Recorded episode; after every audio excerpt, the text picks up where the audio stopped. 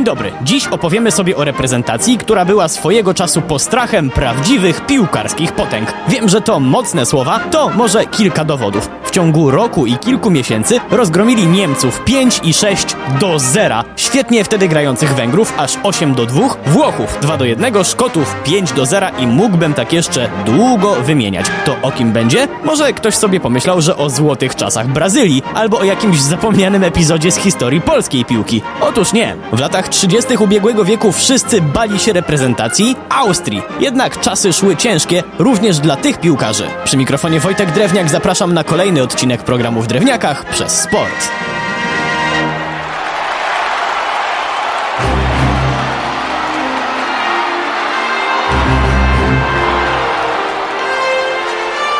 Opowieść o tej drużynie zaczniemy od ogromnych sukcesów, które przede wszystkim były dziełem trenera Hugo Meisla. Gość był nie tylko świetnym selekcjonerem i charyzmatycznym przywódcą, ale przede wszystkim wdrożył do tamtejszego systemu szkoleniowego nową taktykę szybkich, krótkich podań po ziemi. Wymyślił ją co prawda jego szkocki kolega, ale na boiskach austriackich przyjęła się wyjątkowo dobrze, głównie dzięki świetnie wyszkolonym technicznie piłkarzom. Do historii futbolu przeszło pasmo 14 meczów z europejskimi potęgami. Oczywiście Austriacy żadnego nie przegrali.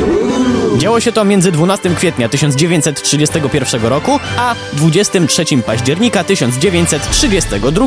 Nie ma się więc co dziwić, że drużyna, którą nie bez przyczyny zaczęto nazywać Wunderteamem, była murowanym faworytem do tytułu Mistrza Świata. Jednak o dziwo, na włoskich boiskach w 1934 roku zajęli dopiero czwarte miejsce. Mimo słabego występu, jeśli w ogóle można tak powiedzieć, o czwartym miejscu na mistrzostwach i mimo śmierci kultowego trenera, rozpędzona reprezentacja Austrii radziła sobie bardzo dobrze, a zatrzymał ją dopiero inny Austriak, Adolf Hitler kiedy w 1938 Austria została włączona do III Rzeszy. Jak potoczyły się losy piłkarzy kultowej reprezentacji?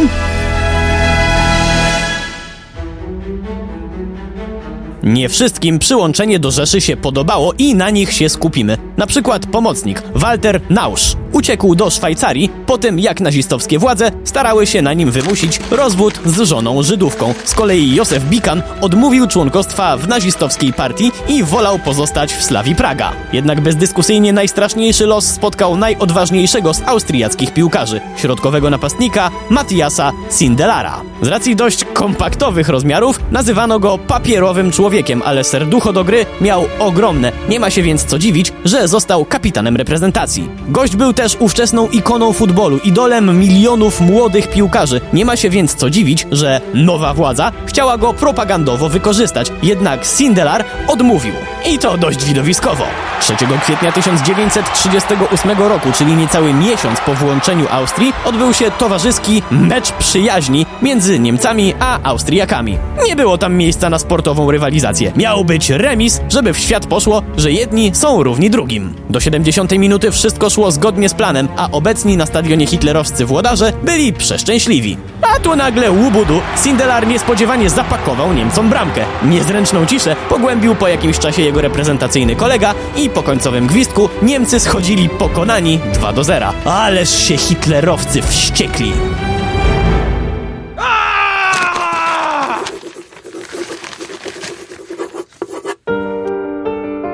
Na reakcję nie trzeba było długo czekać. Po kilkunastu dniach Austriacki Związek Piłki Nożnej wprowadził kilka zasad, które dzisiaj nie mieszczą się w głowie. Po pierwsze, ze składów mieli wylecieć wszyscy piłkarze pochodzenia żydowskiego.